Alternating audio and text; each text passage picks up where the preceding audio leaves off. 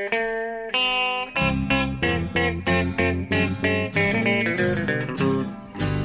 out there, we're on the air. It's hockey night tonight. Tension grows, the whistle blows, and the puck goes down the ice. The goalie jumps and the players bump, and the fans all go insane. Someone roars, Bobby scores at the good old hockey game. Oh, the good old hockey game is the best game you can name. And the best game you can name is the good old hockey game. Hallå, hallå, hallå, hallå, hallå. Då är det dags för en NHL-podd igen. Det är avsnitt nummer 121. Och apropå en etta där i 121 så är det, två ettor till och med, så är det det första avsnittet vi spelar in den här säsongen. För nu är det igång. Det har gått en vecka drygt av NHL-säsongen och det känns fantastiskt skönt att välkomna Per Bjurman från New York. Hur är läget? Tack, det är bra. Men prata på du. Det var ett långt intro. Ja, ja de blir nästan längre och längre. Snubblar omkring där med ettor och grejer. Ja, ja. precis. Ja, det vet jag. Jag, jag. jag ligger på ett snitt kring 2,1 plus i mina intron. Usch. Ja, det är lugnt. Du, jo, tack. Det är bra med mig i New York. För jag sitter hemma i regn och jag vill bara förvarna eh, lyssnarna om att eh, på, som, som de som läser min blogg vet så pågår det sedan länge renovering i grannlägenheten. Och eh, denna förmiddag vi spelar in det här så har vi konfrontation. De dunkar i väggarna och skriker och jag dunkar tillbaka. Så det kan höras... Eh, det kan bli... Det kan bli en live-beef här i podden. Att det liksom... Nej, men det kan plötsligt höras sågar och borrar och hamra, hammare. Bli inte rädda. Nej, det. Men då har vi det avklarat. Ja, precis. Jag vill, jag vill bara konstatera att jag kanske, mina långa intron är något... De är, håller inte i närheten på samma klass, men de kanske är lite inspirerade av dina långa intron i bloggen. Ja. Men det är inte riktigt samma nivå. Men för det har blivit några stycken för dig här redan i början. Vi har ju som sagt hållit på i en vecka och vi har ju lite intryck vi vill dela med oss av i det här avsnittet. Ja, Hör, ja nu, nu har de nu kommer det. Här. Nu är det dags. Ja. Men eh, vi, vi kör på. Alltså, eh, ja, det är väl bara att, att försöka överleva. Men eh, ja, innan vi går in på, på ämnen och sådär vad vi känner så vill jag bara göra reklam för NHL-bibeln. Eh, medan eh, den här... Om jag hade kunnat säga något nu så hade du kunnat få in det lite snyggt. Men ja, just det. Du har ju bråttom. Det är det, det, är det du frågar just mig om jag har, jag har jobbat mycket. Ja, jag skriver många bloggar. Ja, jag skriver många referat. Men framförallt har jag skrivit väldigt många långa artiklar till NHL-bibeln. Och ja, den, den är på väg ut, eller hur? Exakt, så, så där ska man göra. Det var orutinerat av mig för du bara tog tag i tråden så som, det skulle, som tanken var. Liksom. Ja. Det, det, stämmer helt och hållet. Den, eh, den, ja, det dröjer faktiskt till nästa to alltså torsdag som kommer här. Den 27 om jag inte snubblar på datumet. Det är i alla fall på torsdag i veckan så kommer NHL-bibeln ut och den gick till tryck här idag. Så det tar ett tag för den. Om en vecka. Precis, exakt. Och eh, som sagt, eh, du har ju skrivit väldigt mycket till den. Det är allsköns intervjuer med allt från Erik Karlsson till, ja, till Hagelin och Hörnqvist och Lundqvist. Och, och det är intervjuer med alla möjliga svenska spelare och det är rep långa reportage med P.K. Subban och Johnny Hockey bland annat. Och det är plusbetyg på samtliga spelare. Och du har skrivit krönika ja. och det är eh, draft special och det är NHL för dummies till och med. Och lite sånt där. Så det, det, är hundra fullmatade sidor precis som förra året. Så att det känns ja. skönt att vi till slut fick eh, till den och att, den är, att vi inte kan göra någonting åt den längre. Utan den är, till, den är på väg tillbaka från tryckeriet snart, hoppas vi. Det är väldigt skönt. Det är väldigt skönt. Ja, men... nu, kan vi, nu kan vi fokusera på det som liksom är färskt och det som händer. Ja, exakt. Det känns skönt. Ja, det har gått en vecka drygt eh, sedan säsongen startade. Och eh, jag tycker det känns som det har varit en, en väldigt eh, en härlig rivstart på säsongen. Det har redan hunnit hända mycket saker och det har varit underhållande, och dramatiskt och kul. Ja, jag håller, jag håller helt med dig. Det finns, alltså, precis som vi brukar konstatera och som vi kommer att komma in på senare i podden när vi, går igenom, vi plöjer igenom lite lag och spelare så, här, så ska man inte börja dra för stora slutsatser än. Man kan inte konstatera att Vancouver, Vancouver kommer fortsätta att vinna alla matcher den här säsongen. Och Los Angeles Kings har förmodligen inte börjat tanka än trots att de har förlorat allt. Men eh, eh, förra året kommer vi ihåg att Pittsburgh började katastrofalt, sen vann de Stanley Cup. Och Anaheim Ducks började katastrofalt, sen eh, vann de hela Western Conference, i alla fall sin division. Allt det där är sant. Man kan inte sitta och prata om att enskilda spelare har slagit igenom eller att man vet exakt. Å andra sidan kan man ju inte helt strunta i vad som händer heller. Nej, exakt. det har varit en rolig start. Alltså, mycket roligare än i fjol. Det känns som det spelas bättre hockey. Eller roligare hockey i alla fall. Ja, jag, jag, vi kommer ju ha lite mer rookie-tema här senare på det, men jag vill bara redan nu bara konstatera att det är ju det här med att vi tjatar i podd ut och podd in i princip om att det är young man's game och så här. Jag känner att framtiden är ju nu. För ja. att eh, det, de här tonåringarna dominerar ju är ledande i sitt lag överallt ser vi, på många håll och fronter. Det är inte bara de absoluta spetstalangerna som Line och Matthews och så här, utan det är, det är killar som Travis Connectney som kommer in lite så här oväntat och det är eh, ja, alltså mängder av exempel. Ja, men, vad gäller det då får man ju dock komma tillbaka till det här med att varna för att det är en lång säsong. För att mm. även i fjol så var det ju... Eh, då febrar ju hela världen, men framförallt du kanske, om kidsen i Arizona. Där. Eh, Domi och The Duke. Ja. Eh, de kom ju av sig sen och det den stora utmaningen är ju att hålla i eh, under, under denna grind som säsongen är. Det blir ja. jobbigare efter nyår. Det är bara matcher, matcher, matcher. Precis, det ska man faktiskt eh, konstatera att, att eh, så är det bara. Det har, finns ju otaliga exempel på det också att man börjar väldigt bra. Sen så har man inte faktiskt upplevt vad en 82 matchers NHL-säsong innebär. Nej, eh, precis. Och det är ju en annan sak än att ha spelat tre matcher på rus här i början. Liksom. Så det är bara en liten brasklapp. Men, eh, visst. Vi, vi återkommer till rookie-temat. Men eh, eh, det har ju också varit... Eh, hockeyn, det, det, har ju varit så tydligt att eh, hockeyn ser mer och mer ut som eh, Team North America försökte spela den i, i under World Cup. Ja. Det, det är så modern hockey ser ut helt enkelt. Ja.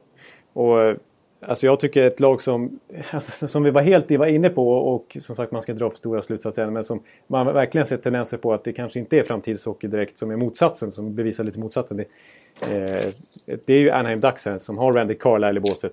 Och som väljer att eh, matcha på gammaldags vis att eh, typ Jared Boll spelar fyra minuter match och ska in och brunka lite. Och Chris ja. Wagner fyra, fem, sex minuter och sen så är det Ryan Getzlaff uppe på 23 minuter och Ryan Kessler på över 20 minuter också. Och backarna matchas hårt och så, så det, eh, Och de har ju tre raka förluster. Eller vad, no, ja, fyra, fyra till och med. Så att, ja, medan framgångsrika lag rullar ju på mycket folk. Och eh, ja. alla kedjor bidrar liksom. Ja, om, om vi ska titta på det. Alltså, jag har ju sett en hel del matcher. Jag har faktiskt sett fem matcher på bara åtta dagar här. Ja, Live. På plats. Plus det man har sett på TV. Och, ja, nu börjar de borra här igen. Ja. Borr i cement. Det kan vara det värsta ljud som finns.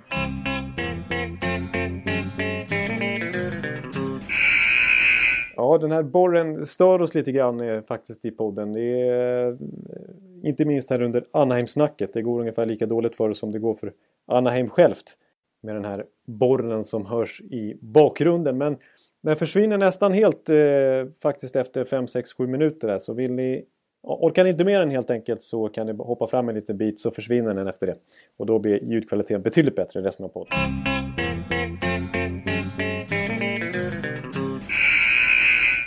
Det här är värre än Peter Wennmans eh, lövblåsare i London, jag lovar. Är det så pass till och med? Ja. ja.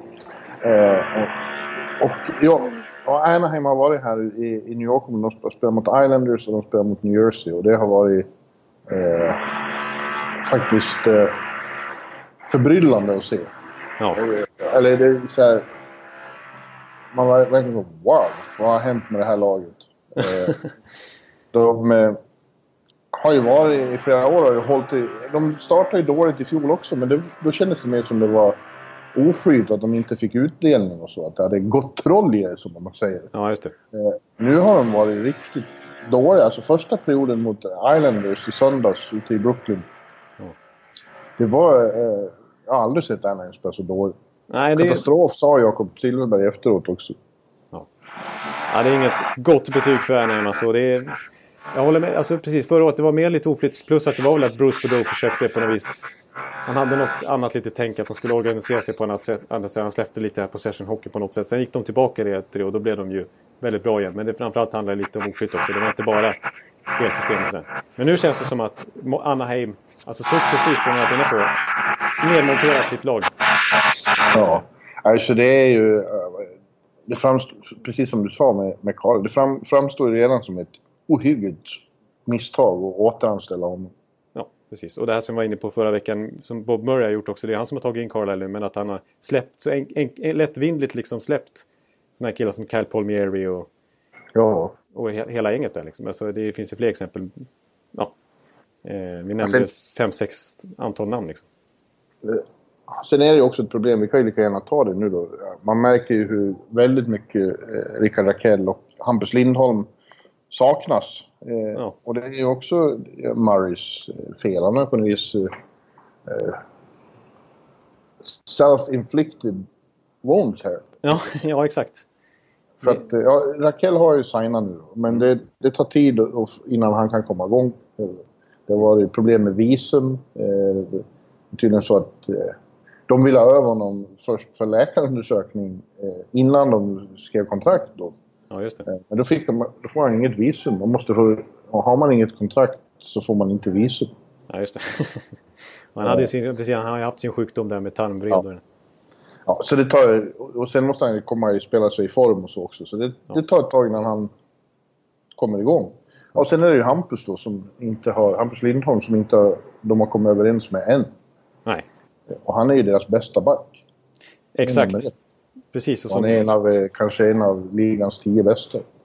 Ja, jag tycker han är värd att nämna det för hans liksom underliggande siffror som verkligen visar hur, hur han lyfter sitt, hela sina lagkamrater. Alltså hans possession, hans förmåga att driva spelet har ju verkligen saknats. Eh, och jag tycker ju att det är, alltså från Murrays att det är lite, det är ju nästan lite skambud att han, att han eh, i förhandlingarna här att han tycker att, att, hed, att eh, Lindholm mer eller mindre är värd mindre än Ristolainen. Och Ristolainen fick ju 5,4 miljoner dollar per säsong till slut. Eh, ja. Medan det verkar som att Anaheims bud, att de sträcker sig snällt upp till 5,1 miljoner i sin förhandling. Medan Hampus Lindholm då tycker att han är värd, han har ju, där har ju läckt ut siffror under hela hösten här att han vill ha över 6 miljoner. Nu kan han tänka sig gå ner till 5,8 men inte lägre än så. Och då är de fortfarande en bit ifrån varandra. Och då tycker jag att, ja. att marknadsvärdesmässigt så är ju, har ju definitivt eh, Lindholm siffrorna på sin sida liksom. Ja. Så jag, jag förstår ja, inte hur Murray tänker liksom, hur de värderar. Visst, de har inte så mycket löneutrymme nu så de, de, ska de förlänga med honom måste de oavsett trada iväg någon spelare. Men, men de undervärderar verkligen sin bästa back. Ja, men de är ju snåla. Det är ju det. Ja. Exakt. Hallå? Ja, det, det är borren här nu. Vi, vi märker att 121 avsnittet här har, har en, en borr som, som stör ja. oss lite. Men... Ja, det, det, brukar, det brukar kunna ta pauser men de är typ så att de ska köra nu. De vill jävlas med det. Ja, jo det vill de definitivt. Ja, det är klart. Eh, jo men Anaheim är snåla också. En tråkig... Du, du nämner ordet marknadsvärde. Det, det, skulle ju vara... Det skulle ju verkligen vara det i formell... På, på riktigt om... Om det var fair, fair game från NHL. För att egentligen får ju de andra lagen ge honom sådana offer sheets då. Han är restricted free agent. Precis. Andra klubbar skulle kunna gå in och lägga ett bud. Men det är ju någon slags kartellbildning kring det där. Det gör man ju nästan aldrig. Nej, precis. Vi har sett det vid några enstaka tillfällen, men det var ett antal år sedan nu. Alltså, det är verkligen tabu bland en general managers. Man behandlar inte ja, varandra på det viset kan man säga. Mm. Som en fientlig handling, typ. Ja. Eh, det var ju typ för länge, alltså, för länge sedan. Det finns bara fåtal. Typ Vanek för några år sedan och det var ju... Vad hette han? Pancake-killen i Anaheim. Ja, jag behöver inte gå in på Men det händer ju väldigt sällan. Eh, tyvärr, för att nu, det finns många NHL-lag som gladeligen skulle hosta upp 6,5 miljoner dollar för Hampus Lindholm på ett sexårskontrakt. Det är, ja, det är klart. Självklart. Kanske till och med ännu mer än så. Ja, det där är, tycker jag är dåligt. Alltså. Irriterande. Och jag, jag, förstår varför inte Lindholm viker sig och att det, den här schismen pågår ända in i säsongen. Liksom, och att nu är dags för att lida för det. Det är rätt åt dem lite, lite grann faktiskt. Ja, det blir tydligare och tydligare för varje match hur mycket han saknas. Eh, ja. Och det, kan ju, det är inte sämre för hans förhandlingsläge. Om jag vore Murray då skulle jag efter de här matcherna mot Islanders och Devils, jag skulle... Eh, jag skulle bara ringa upp och skrika till agenten. Ja, han får vad han vill. Bara ja. han kommer hit och spelar. Ja. Nej, för... Nej, bara inte Kent Fowler ska fortsätta vara en viktig back för oss. ja, nej, jag håller helt med. Det, där, det, där är, det, är det, som är, det är det som är det märkliga med Anaheims situation just nu. Att det känns så ovanligt självförvållat. Liksom. Ja. Det är verkligen Bob Murrays verk där. Men eh, ett, ett, jag, måste, måste, vi måste bara snabbt ta upp också även... Vi fortsätter med lag som eh, har överraskat negativt. Ja, precis. Jag tänkte det. För att kollegan där, nu är min övergång hyfsat bra i alla fall. Kollegan i Kalifornien i samma stad där, Los Angeles Kings har inte börjat så häpnadsväckande vasst heller. Nej. Eh, de har väl också tre förluster här i början? Ja. De har jag faktiskt sett väldigt lite av. Men eh, det känns ju som att vi pratade om det redan förut eh, i våra preview där. Att det är, två lag som inte har anpassat sig efter moderna idéer. Nej, exakt. Utan de, de lever lite... Alltså, Kings är fortfarande liksom lite fästa vid, sin, vid sina titlar 2012 och 2014. Och när de var föregångaren i NHL, alla pratade om att deras lag var det perfekta, ultimata bygget med storlek och kraft. Liksom.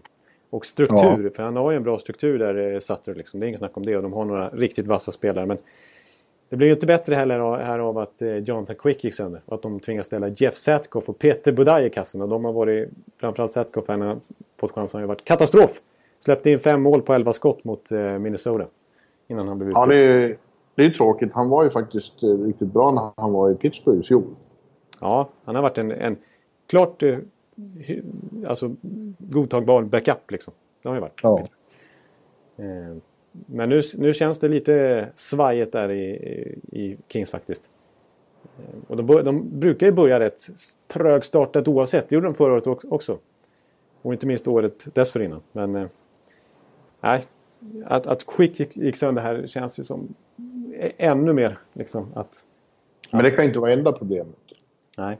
Om du som har sett dem, jag, som sagt jag har inte... Jag har ja, inte men mot Minnesota till exempel så, så visst, det, det handlar ju mycket... Du får säga så. Min... Minnesota. så... Eh... wild, säg Wild. Wild. Mot Wild.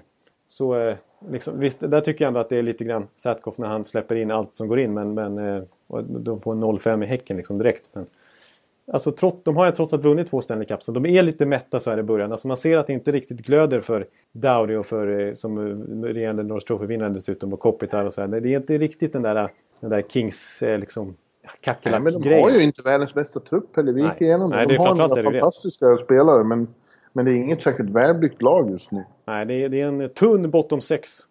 Ja, och, eh, bottom 6. ja. nu, nu är det svengelska överallt här.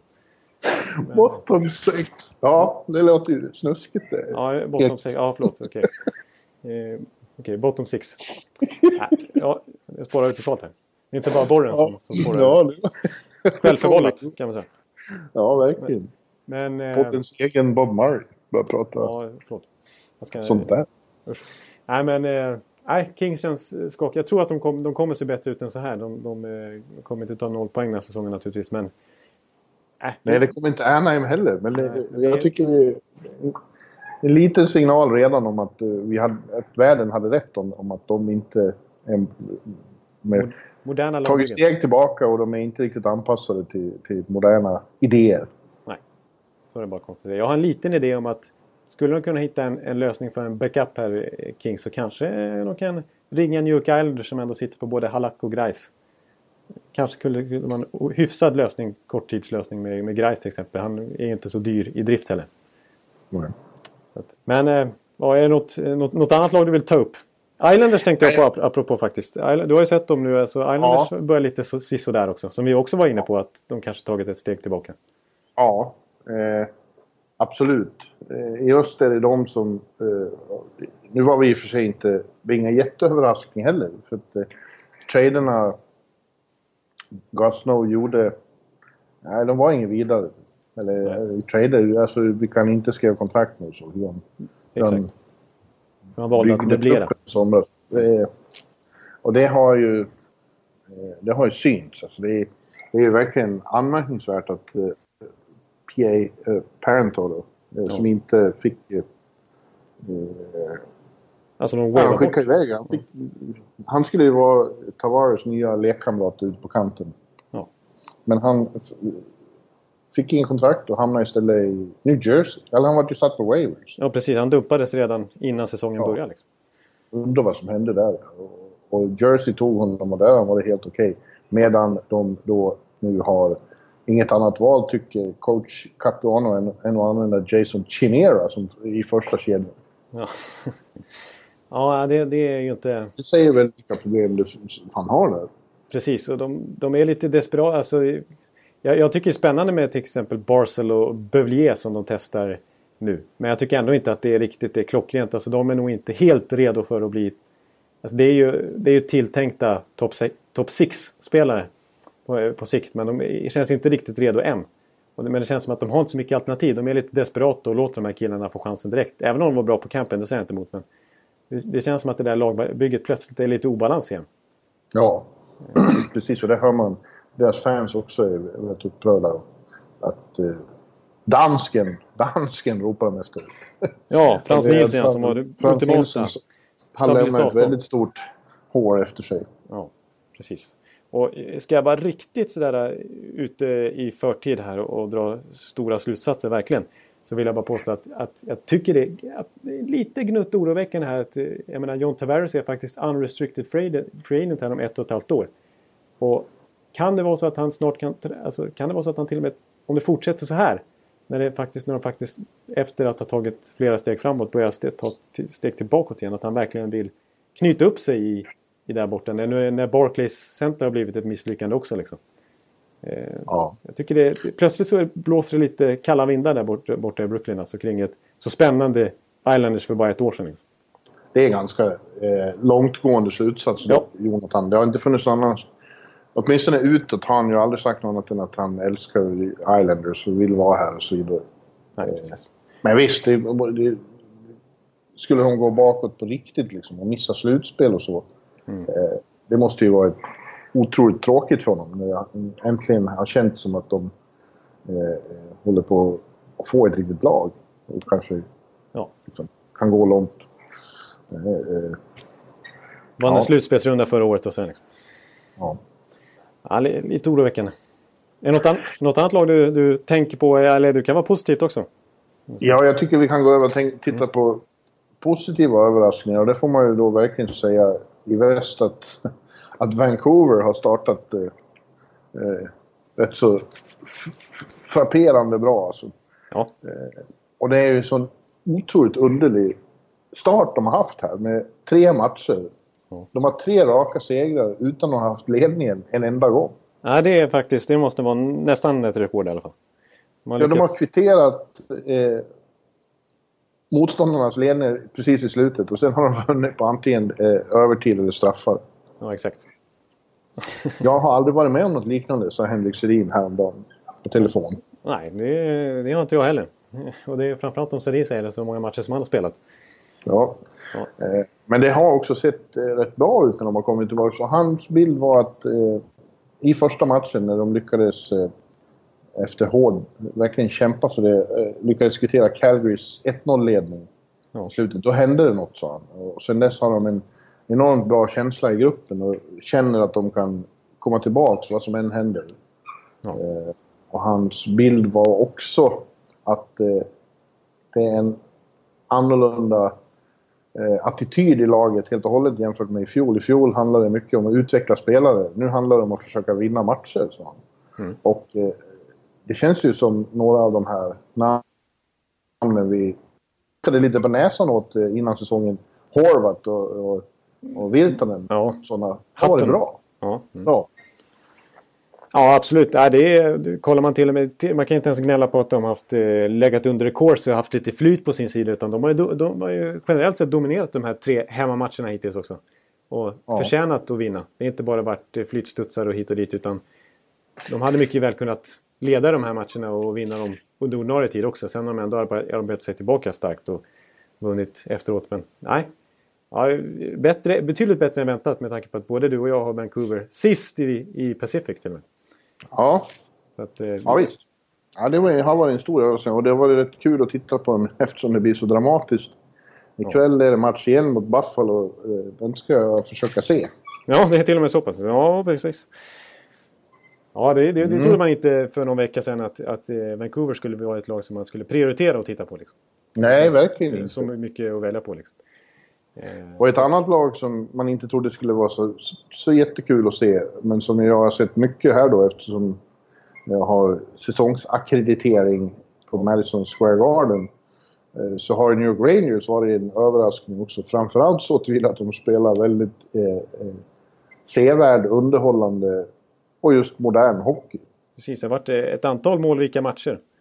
Liksom. Ja, alltså Rangers offensiv har inte sett så här explosiv ut på, på många, många år. Mm. Som i de här inledande matcherna. De har verkligen gått in för det här med speed och skills i fart.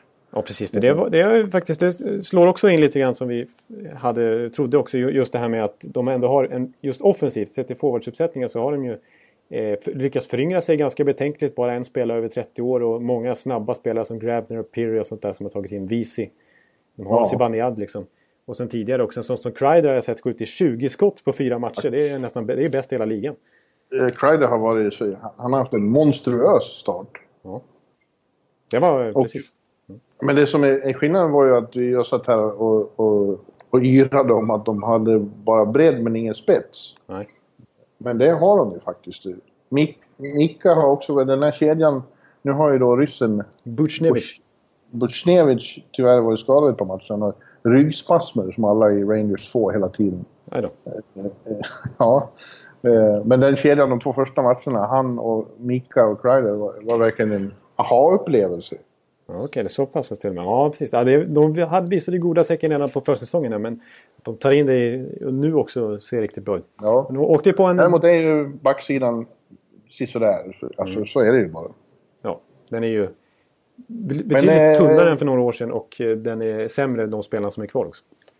Ja, fast det såg liksom, även på den punkten såg det bra ut i den, eh, när de klippte skalpen San Jose Sharks här hemma. Då var faktiskt bra på defensivt också. Det pratades mycket om att Mark Stahl gjorde sin bästa match på två år. Ja. Så han, han kanske, det kanske har varit bra för dem att få vila en sommar. Och så. Jag såg faktiskt Tobias Pettersson, vår eh, poddlyssnare här, eh, reflektera på Twitter på försäsongen om att han trodde, tyckte att Mark Stahl såg bättre ut än på väldigt länge. Ja. Redan då, så att det är ju goda tecken. Faktiskt. Ja, så det har varit... Även igår kväll var det såg eh, Rangers Detroit då. Då fick de stryk med 2-1. Men det var ju faktiskt Jimmy Howard som var sensationellt bra. Han gjorde en av karriärens absolut bästa matcher medan... Och man hör nästan aldrig det där Rangers-fansen. Tycker det... Så länge de spelar så här bra så, så är det okej okay, för de hade fantastiska Corsi-siffror. Oh, ja just det. Mm, precis. Ja, men då... Eh, men Detroit ju... Star-matchen, eh, typ.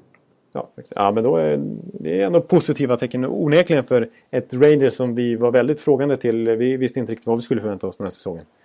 Ja, ja. Eh, så att, mm. Jag tycker man kan gå vidare faktiskt och säga att även eh, Ottawa har ju överraskat poängmässigt. De har tre av fyra har de vunnit. Ja, det trodde man inte heller faktiskt att de skulle fly... Alltså, visst, alla lag kan ha bra stretches, men att de skulle börja tugga igång så här pass ändå. Ja. Och som vanligt har ju Erik varit eh, enastående, Erik Karlsson. Ja. Sju poäng redan. Ja, och han, när han dammade in sitt karriärens 102 mål här om dagen så slog han klubbrekord då. Just det. Han är den back som har gjort eh, flest mål i Ottawas historia. Han behövde 355 matcher färre på sig än vad Wade Redden hade för att komma upp i 101. Ja, det säger en hel del. Han är 26 backs, backs det är Erik Karlsson. Det är... Backs? Backs, han är 26 backs. Ja, han fortsätter att, att köra en Bob Murray-grej. Ja. Nej, jag är, jag är 49 backs nu. Ja, just det. Ja, det lät ju... Jag kanske en ny slang. Ja, men, men eh, alltså det målet han gör också i öppen kasse där när han bara flyger förbi tre spelare. Ja. På ren liksom, alltså den, det sättet han åker skridskor på, där han bara eh, springer på skridskorna. Springer ja. ifrån dem, han, han skrinnar inte utan han, han, han har en sån frekvens i, i, i åkningen där så att han liksom totalt överglänsar alla andra på isen. Det var häftigt ja. att se också. Men det är inte bara han, utan det är fler som har varit bra. Eh, laget har sett okej okay ut och, och, efter den här matchen då, då pratade jag med honom rätt länge. För då, matchen innan, och redan dygnet innan, så hade de åkt på en riktig Ja, mot Detroit. Mot Detroit borta, då var de inte alls bra. Nej. Men Erik sa att det, det är som en stor skillnad tyckte han, upplevde han då att eh, förra året när sånt hände så var det liksom, då grämde de sig. Luften ur liksom. Mm. Ja, och så var de, kom det stretches när de var dåliga. Nu sa han att det var en helt annan förmåga att bara lämna det bakom oss och åka hem och göra en bra match. Eh, mm. och, eh, Nej, men... Guy Boucher kanske är bättre än jag trodde. Ja, alltså vi, vi var ju lite rädda för att hans, hans eh, struktur skulle till och med hämma Erik Karlsson. Eh, så ser och, det inte ut. Nej, så, det, så är det verkligen inte ut. Utan Erik Karlsson ser minst lika bra som han alltid har gjort de här senaste åren. Han ser om möjligt nästan ännu mer dominant ut. Alltså för att han, ja, och strukturen liksom överhuvudtaget så, så, så känns det ju bra. Alltså. alltså ja. Och jag tycker en sån som Bobby Ryan har sett bra ut i början det här också. Så att de får igång sina... De har ändå en hyfsat bred top six vill jag säga. De är lika, ganska tunna som de, men de har, de har ju några firepower-killar där uppe med Hoffman och Stone och, och Bobby Ryan om han kan komma igång. Och så uppe Presari som har kommit in nu liksom. Det, det, ja. det, finns ju några stycken som kan göra det. Det är inte bara någon, någon enstaka. Det är inte bara Erik Karlsson faktiskt. Nej. Normally, being a little extra might be a bit much, but not when it comes to healthcare. That's why United Healthcare's Health Protector Guard fixed indemnity insurance plans, underwritten by Golden Rule Insurance Company, supplement your primary plan so you manage out of pocket costs. Learn more at uh1.com. Så att, mm. Men en, en, en, kollega där jag vill berömma lite grann faktiskt. Eh, framförallt en spelare som... Ja, det här är också något man absolut inte ska dra för stora slutsatser för snart kan det, kan det ringa, in, ringa in några kassar bakom honom också. Men Montreal här som har fått klara sig utan Care Price i början. Har ju ja, faktiskt... Ja. Montoya varit riktigt bra i kassen. Höll nolla mot Pittsburgh här när de vann med 4-0. Och Shea Webber har ju i, som vi väntar oss faktiskt, under Michel Therréns spelsystem sett ut som ett monster lite grann faktiskt. Och, eh, sen Montreal känns ju som att de är tillbaka och då, då är faktiskt inte Carey Price tillbaka utan det är El Montoya som har stängt igen kassen. Hittills. Ja, det, det är ju ett stort utropstecken alltså för att för, eh, som vi alla vet förra säsongen så brakade det ihop när Price inte var med och man fick bilden av att han har ohälsosamt stor betydelse. Eh, att, att laget blir svajigt, alltså tappar självförtroende när han inte är med. Men här kommer Al Montoya, the ultimate journeyman. Ja, exakt. In och eh, är så bra. Liksom. Och ja. hela laget fortsätter vara bra fast Care inte det. Åtminstone det jag har sett så har det sett eh, lovande ut för Montreal. Absolut, det tycker jag också. Det, det, man ska, jag tycker de börjar få lite utveckling på, sin, på sina killar som man har hoppats på. En sån som Galchenjuk kan nog verkligen ta steget i år och bli en riktig första center. På allvar. Han gjorde ju 30 mål förra säsongen också men det blir ytterligare ett kliv till att bli liksom upp, upp mot stjärn, superstjärna-status nästan. Och de har lite... Alltså, om Radulov också kan komma, han har gjort något mål här i början, om han också kan komma igång så, så börjar se helt okej okay ut. Och Webber, under, som vi varit inne på, alltså just i Therians system och den, den ledaregenskaper han har allt det där så, så är det klart att det är fortfarande ja. en riktigt bra back liksom. Så att... Ja, man kan ju tycka vad man vill om Therians system och, och, det känns ju kanske som att eh, det är inte så anpassat heller efter samtiden.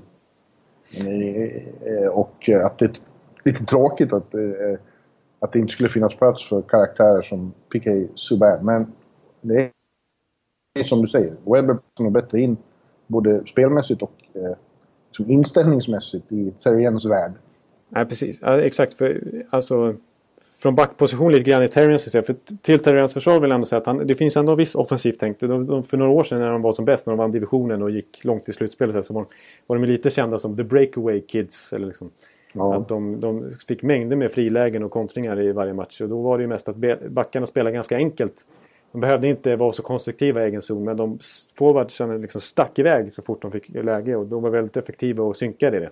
Och kan de få till det spelet igen så är det hyfsat modernt ändå. Det går ändå att vara framgångsrika på det sättet också. De har gjort ett antal mål här i början så det... Ja, om, om, det här, om det här nu kan... Kan han få ihop det igen så ser det ändå hyfsat lovande ut faktiskt för Montreal. Ja, ett västernlag som också faktiskt måste nämnas som positiv överraskning eftersom vi var, var, så oklara över vad de står och vad de tänker sig spela för hockey är ju St. Louis. Ja, just det. Mm. De har vunnit tre av fyra matcher och sett... Eh, det intressanta har ju varit att eh, det verkar som att Ken Hitchcock har lättat lite på... Eh, knäppt upp en knapp eller två i, i skjortan. Ja, just det. Den gamla hunden har lärt sig att sitta. Man ja, lite. Eh, för de, vi var ju liksom tänkte att ha, Skulle de fortsätta spela Hitchcock-hockey men ha släppt Troy Brower eh, och David Backis och Steve Ott. Då blir det svårt att spela den hockeyn med, den, med, de här, med det här materialet. Men, mm. men de har, de har liksom accentuerat mer speed och skills. Och Tarasenko är, är plötsligt en väldigt ledande, viktig, liksom, den som sätter tonen. Ja, precis. Han har sett extremt bra ut här i början. Ja, eh. och eh, ja, jag, jag återkommer till... Jag pratade med Alex Sten på telefon och han bekräftade att de, det är fortfarande eh, håller de sig inom ett system, men, men det, det har lättat så tillvida att de, de har lite friare tyglar i, i offensivt. Det är mindre detaljerat. Det är mer upp till dem själva eh, och, och hitta rätt positioner och sen eh, utnyttja sin kreativitet. Ja, ja men det, det, det känns ju helt rätt med tanke på vilket, vilket plötsligt kreativt lag de har. Det är inte bara Tarasenko ja. utan det är ju... Berglund är en kreativ spelare men, men eh, Robbie Fabry och nu är Jaden Swart skadad men Paul Stastny börjar se bättre ut. Han har ju haft ganska trögt i St. Louis i systemet tidigare men han är ju uppe på långt över en poäng matcher i början. Så att, eh... Underbar att spela med, säger Alex Sten. Han älskar verkligen Paul Stastny. Så pass till ja. ja. Och sen, så har, det, sen har ju de en, absolut en av NHLs bästa backuppsättningar. Vilket ändå är viktigt om man vill ha ett kreativt spel. Att man fyller på med backen och att man tar sig ur egen zon och sådär. Med, med Pietro Angelo som kan spela ännu mer minuter nu när han, när han visade World Cup att han både kan vara vänster och högerback och kan slänga sig in i alla möjliga situationer. Och så Bowmister och Pareko som ser bra ut naturligtvis och Shattenkirk som han, hade en riktigt bra match när han gjorde tre poäng här i början tror jag. Att, ja. Och Jake Allen har ju faktiskt stått pall hittills också. Ja, men jag tror att vi kan åtminstone eh, se det positiva för dem att, att, eh, att Ken Hitchcock inte är dum om det var nu någon som trodde det. Nej, han, det är ingen, han, är ingen, eh, han är inte som Randy Carla liksom, utan han, Nej, han, han kan ändra sig. Ja, precis. Men du, om vi ändå ska eh, gå in på det som vi hade tänkt som huvudtema här och det som verkligen rent allmänt generellt har stått ut så är det ju att det är kidsen. Liksom. Det är de som har tagit rubrikerna och verkligen fått oss att dra efter andan första veckan här. Ja. Eh, på, på flera håll. Och det, det började ju redan i premiären för Austin Matthews i Toronto som slog till med inte bara ett hattrick utan fyra mål. Ja, det var bland det sjukaste man, det var ju det sjukaste man sett nästan. För att det har aldrig hänt tidigare att en rookie har gjort fyra mål, eller någon har gjort fyra mål i sin första match. Eh, och och... Snacka om opening night, att, att ja. det hände då liksom. Ja. Verkligen jackpot för, för NHL och för Toronto. Ja, precis. Alltså han, det, är, det är liksom så symboliskt att han är just i Toronto. Den, den, liksom mest, den, den rikaste klubben, den största klubben trots allt. Och liksom han är, han är tilltänkt affischnamn för hela ligan och så går han in och gör tre mål på sina tre första skott. Och, ja. och tar, tar rekordet med att sätta ett fjärde också. Liksom. Ja, herregud. Nu är det väldigt typiskt Toronto då att ändå kunna förlora en sån match. Ja, det var ju bara Toronto och Edmonton eventuellt som, kan, som lyckas med den bedriften. Liksom. Ja. Uh, men uh, ja. Det var ju han, han har ju också... Men, det där är så sensationellt så man kan inte säga att någon annan imponerar mer. Men han Marner, eller vad han heter, har ju också sett, han sett extremt bra ut tycker jag. Ja, absolut. Och jag, jag personligen, jag vet inte om det, alltså, tyckte att, att det fanns en liten, liten koppling på något vis. Och det här är att dra starka slutsatser också och verkligen superhylla honom. Men Alltså till en, till en ung Patrick Kane. Alltså de kommer båda från, de kommer båda från London Knights och tar klivet in i NHL. Alltså OHL-laget och sen så rakt in i NHL och ser riktigt bra ut direkt. Och har den här speeden, den här kreativiteten och den här smidigheten på isen på något vis. Eh, ja. Jag tror Marner kommer bli riktigt bra. Och, och det märktes ju att Babcock var lite osäker själv i början när han placerade Matthews i tredje kedjan och Marner fick spela i andra kedjan. De, de spridde ut lite rookies för att se vad de verkligen gick för. Men som det sett ut match efter match så har ju de fått mer och mer speltid. Det senaste var det Matthews som fick mest tidstid av alla. Han var absolut ingen tredje center då. Så att, eh, det, det, det, de har ju verkligen tagit för sig direkt och visat att det här är ju framtiden är ju nu. Det är de här killarna ja. som, som är bäst i laget redan. Ja. Och, och då har vi inte ja, ens nämnt och, Nylander. Nej, precis. Som ju också är, är med där. Och han börjar bra. Han spelar ju med Matthews. Precis. 1 plus 3 faktiskt hittills eh, på tre matcher i Nylander, vilket ju är ett bra snitt. Ja. Ja, men det där var ju bara början. Sen hade vi Edmonton. Ja, de, har, de har haft en, en riktigt tung match men på, på ett typiskt Edmonton-vis. Men eh, nu är Conor McDavid inte rookie då, men han ingår ju i den här nya generationen. Som, han är tonåring som, fortfarande i alla fall. Ja, precis. Och ja, det har ju sett fantastiskt ut där med, deras nya flashiga arena. Ja, de öser in mål match efter match. Han och Även om de förlorar inte. Ja. Eh, ja, precis. Alltså, han har ju fått igång Ebele. För Ebele har ja. sett bra ut nu till slut också. Att, mm.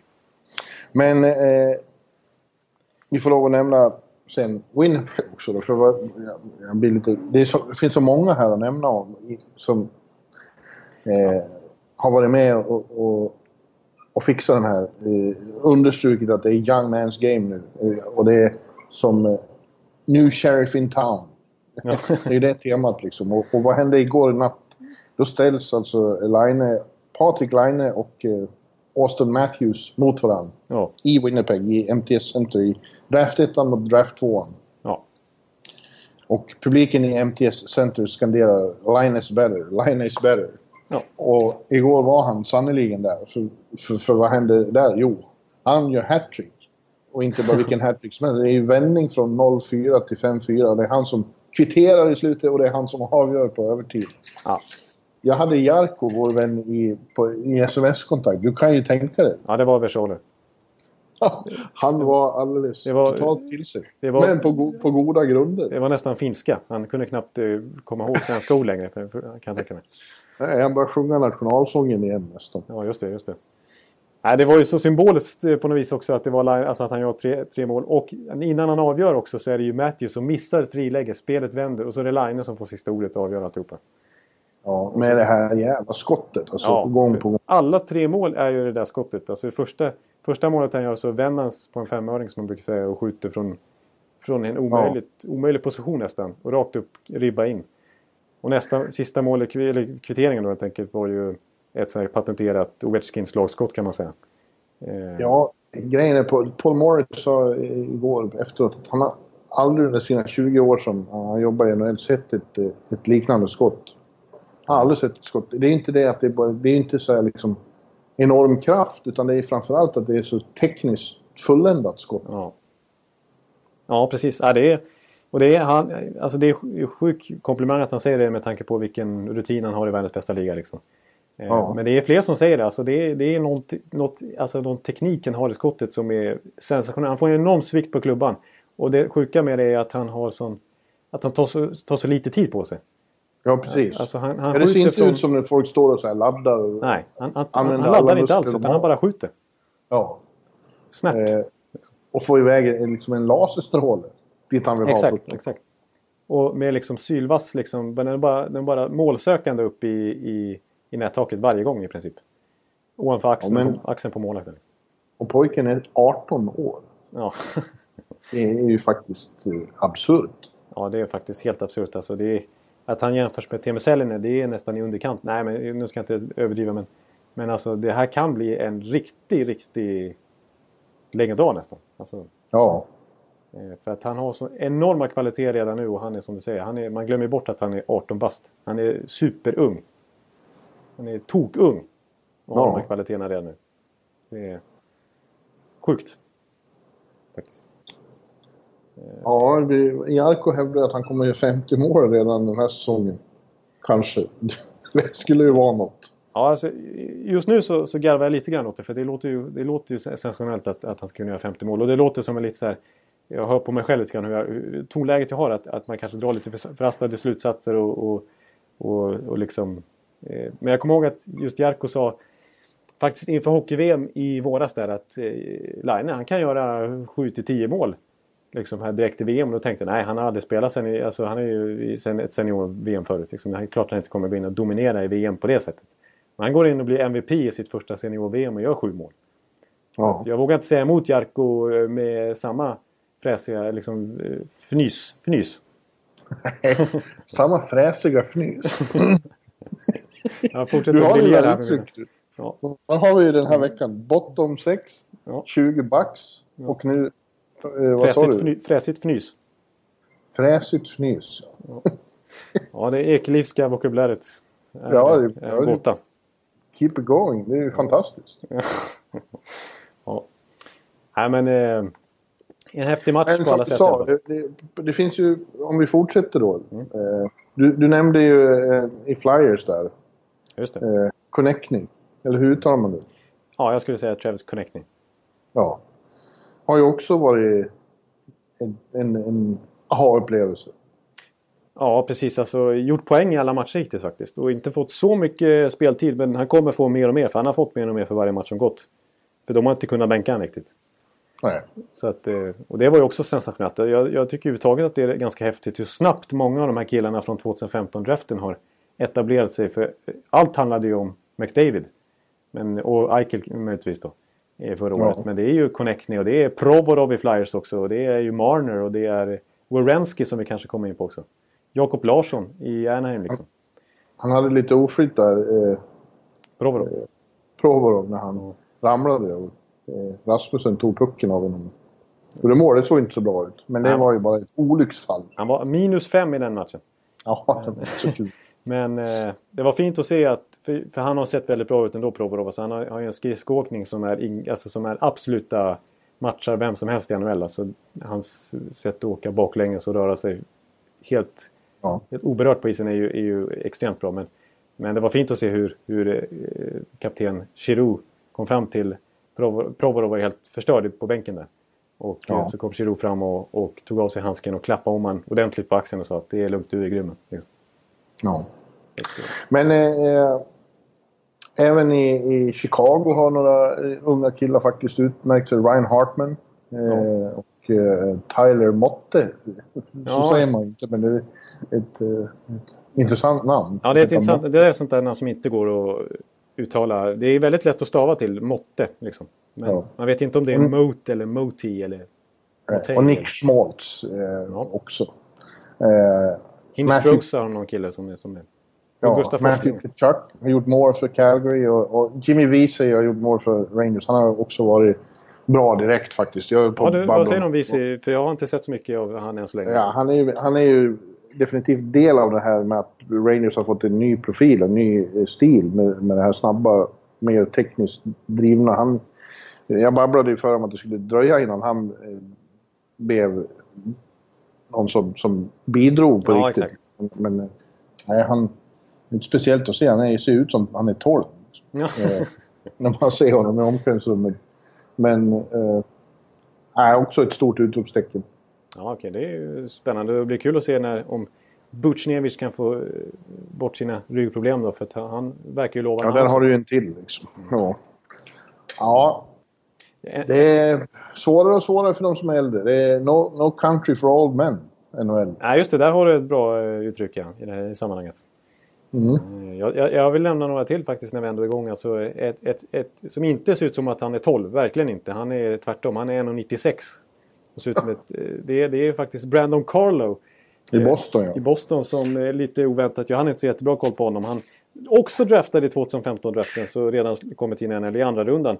Och eh, har ju blivit bildat, han är ju ett fyrtorn han med. Han och eh, Zdeno Chara spelar i samma backpar. Det måste ju vara NHLs genom tiderna längsta backpar nästan. Eh, och eh, plus sju. Jag vet, vi ska ju inte dra för stora slutsatser plus minus. Men det är, det är ändå imponerande alltså hur starkt bidragande han har varit direkt. Och han har fått eh, Zdeno Chara att se riktigt bra ut igen. Eh, Coolt namn också. Brandon Carlo. Han skulle Ja, kunna det är vara med i riktigt bra. Sopranos. Ja just det, exakt. Han har ju väldigt kompatibelt namn för Sopranos och så vidare. Och eh, Boston-fansen yrar över honom. De tycker shit, det där är, det är ju, nu har ju, nu gör han inte så mycket att, eller ja. alltså de är inte lika sura över Doggy Hamilton-trainen längre. För nu har de helt plötsligt fått fram Brandon Carlos som de här första tre matcherna i alla fall sett väldigt spännande ut. Mm. Eh, En som, ett lag som bara har spelat två matcher än och inte varit bra som lag, precis som väntat, det är ju Columbus. Men även där har ju eh, till och med Tortorella framförallt framhållit Zach Wierenski då. ja. Som också är rookie. Ja, och också draftad 2015. Ja. Eh, och eh, som ju... Det kändes som att Columbus var lite eh, missnöjda med att de gick bet på Hannifin och Provorov som gick framför. De hade ändå åttonde valet och så fick de varken Provorov eller, eller Hannifin. Utan de fick nöja sig med Werenski. Men han säger, jag tror att Werenski kan bli en... Eh, om inte redan i år så är på sikt alltså en riktigt eh, sån här, alltså en riktigt, riktigt bra back.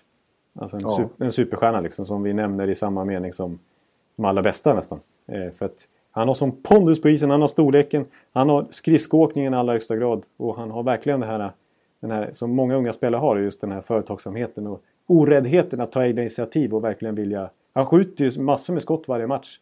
Han spelar första PP redan nu, han spelar först, han har ju petat ner Ryan Murray i första backpar och spelar nu ihop med Seth Jones.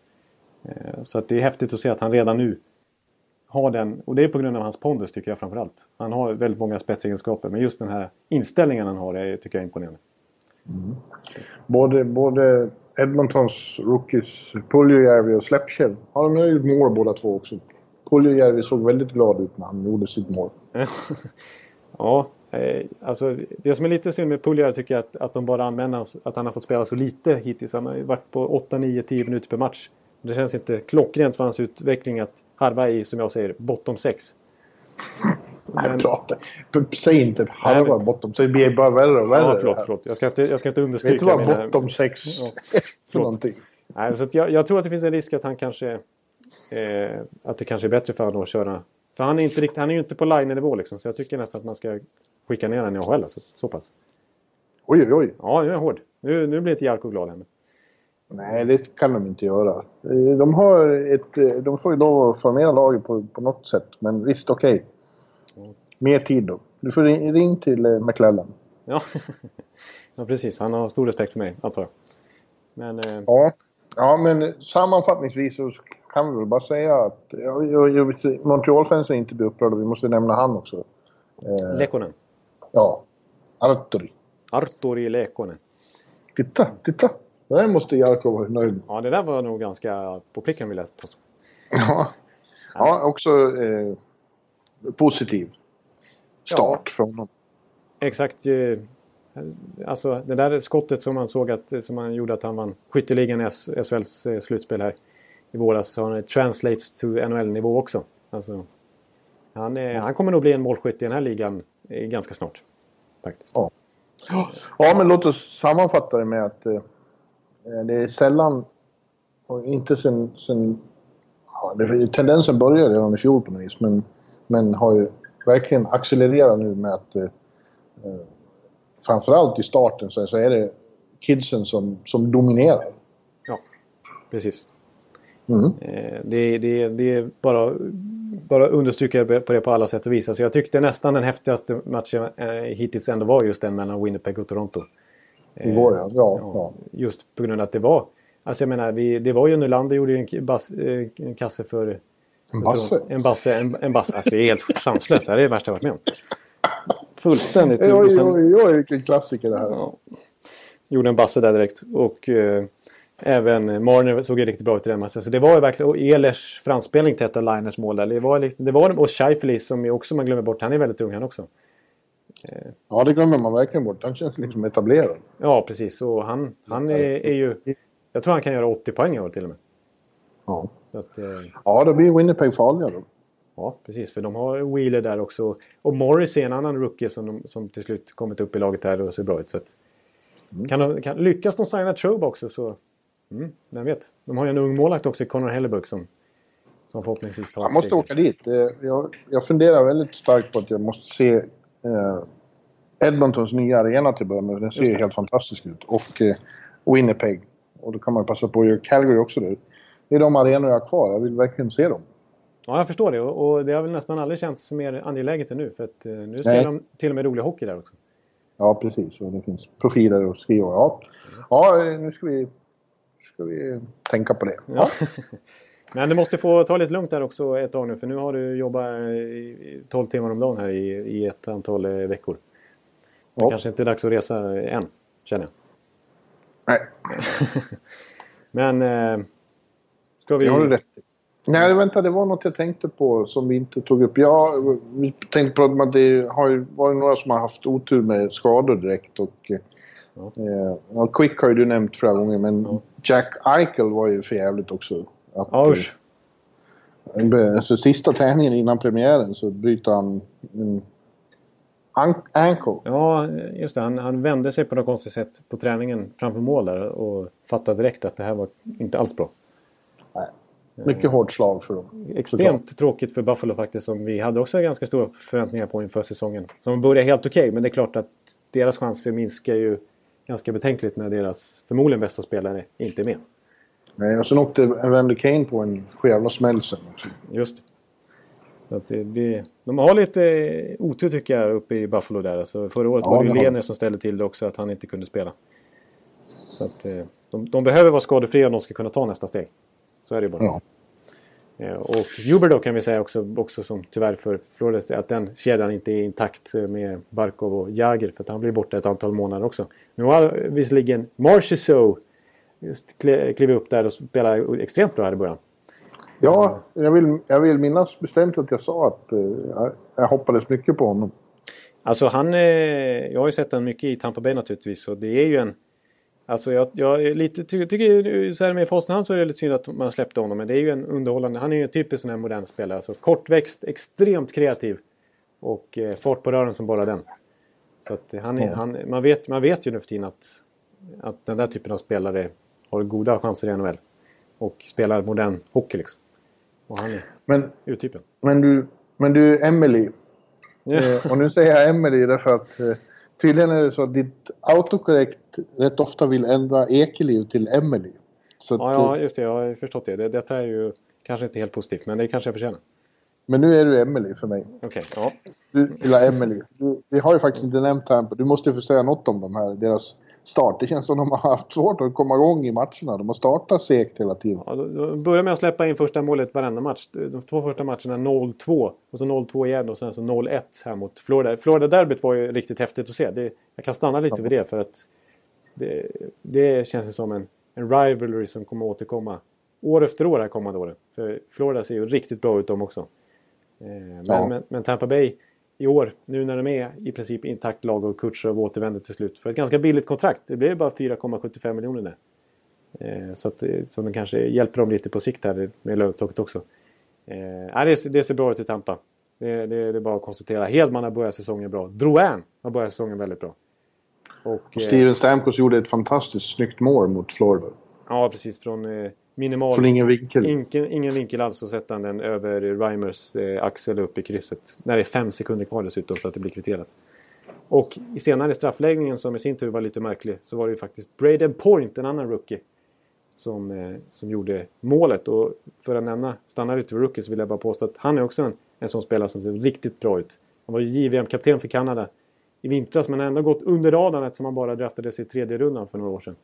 Men eh, han är en Tyler Johnson 2.0. Han är extremt snabb, extremt företagsam, kreativ som bara den. Och fick faktiskt, har ju fått spela i tredje kedjan nu i början av säsongen. Men slängdes faktiskt in tillsammans med Stamkos när de jagade desperat ett mål i slutet. Så redan nu så har han fått enormt förtroende av Cooper. Så att det kommer bli Mm. bra.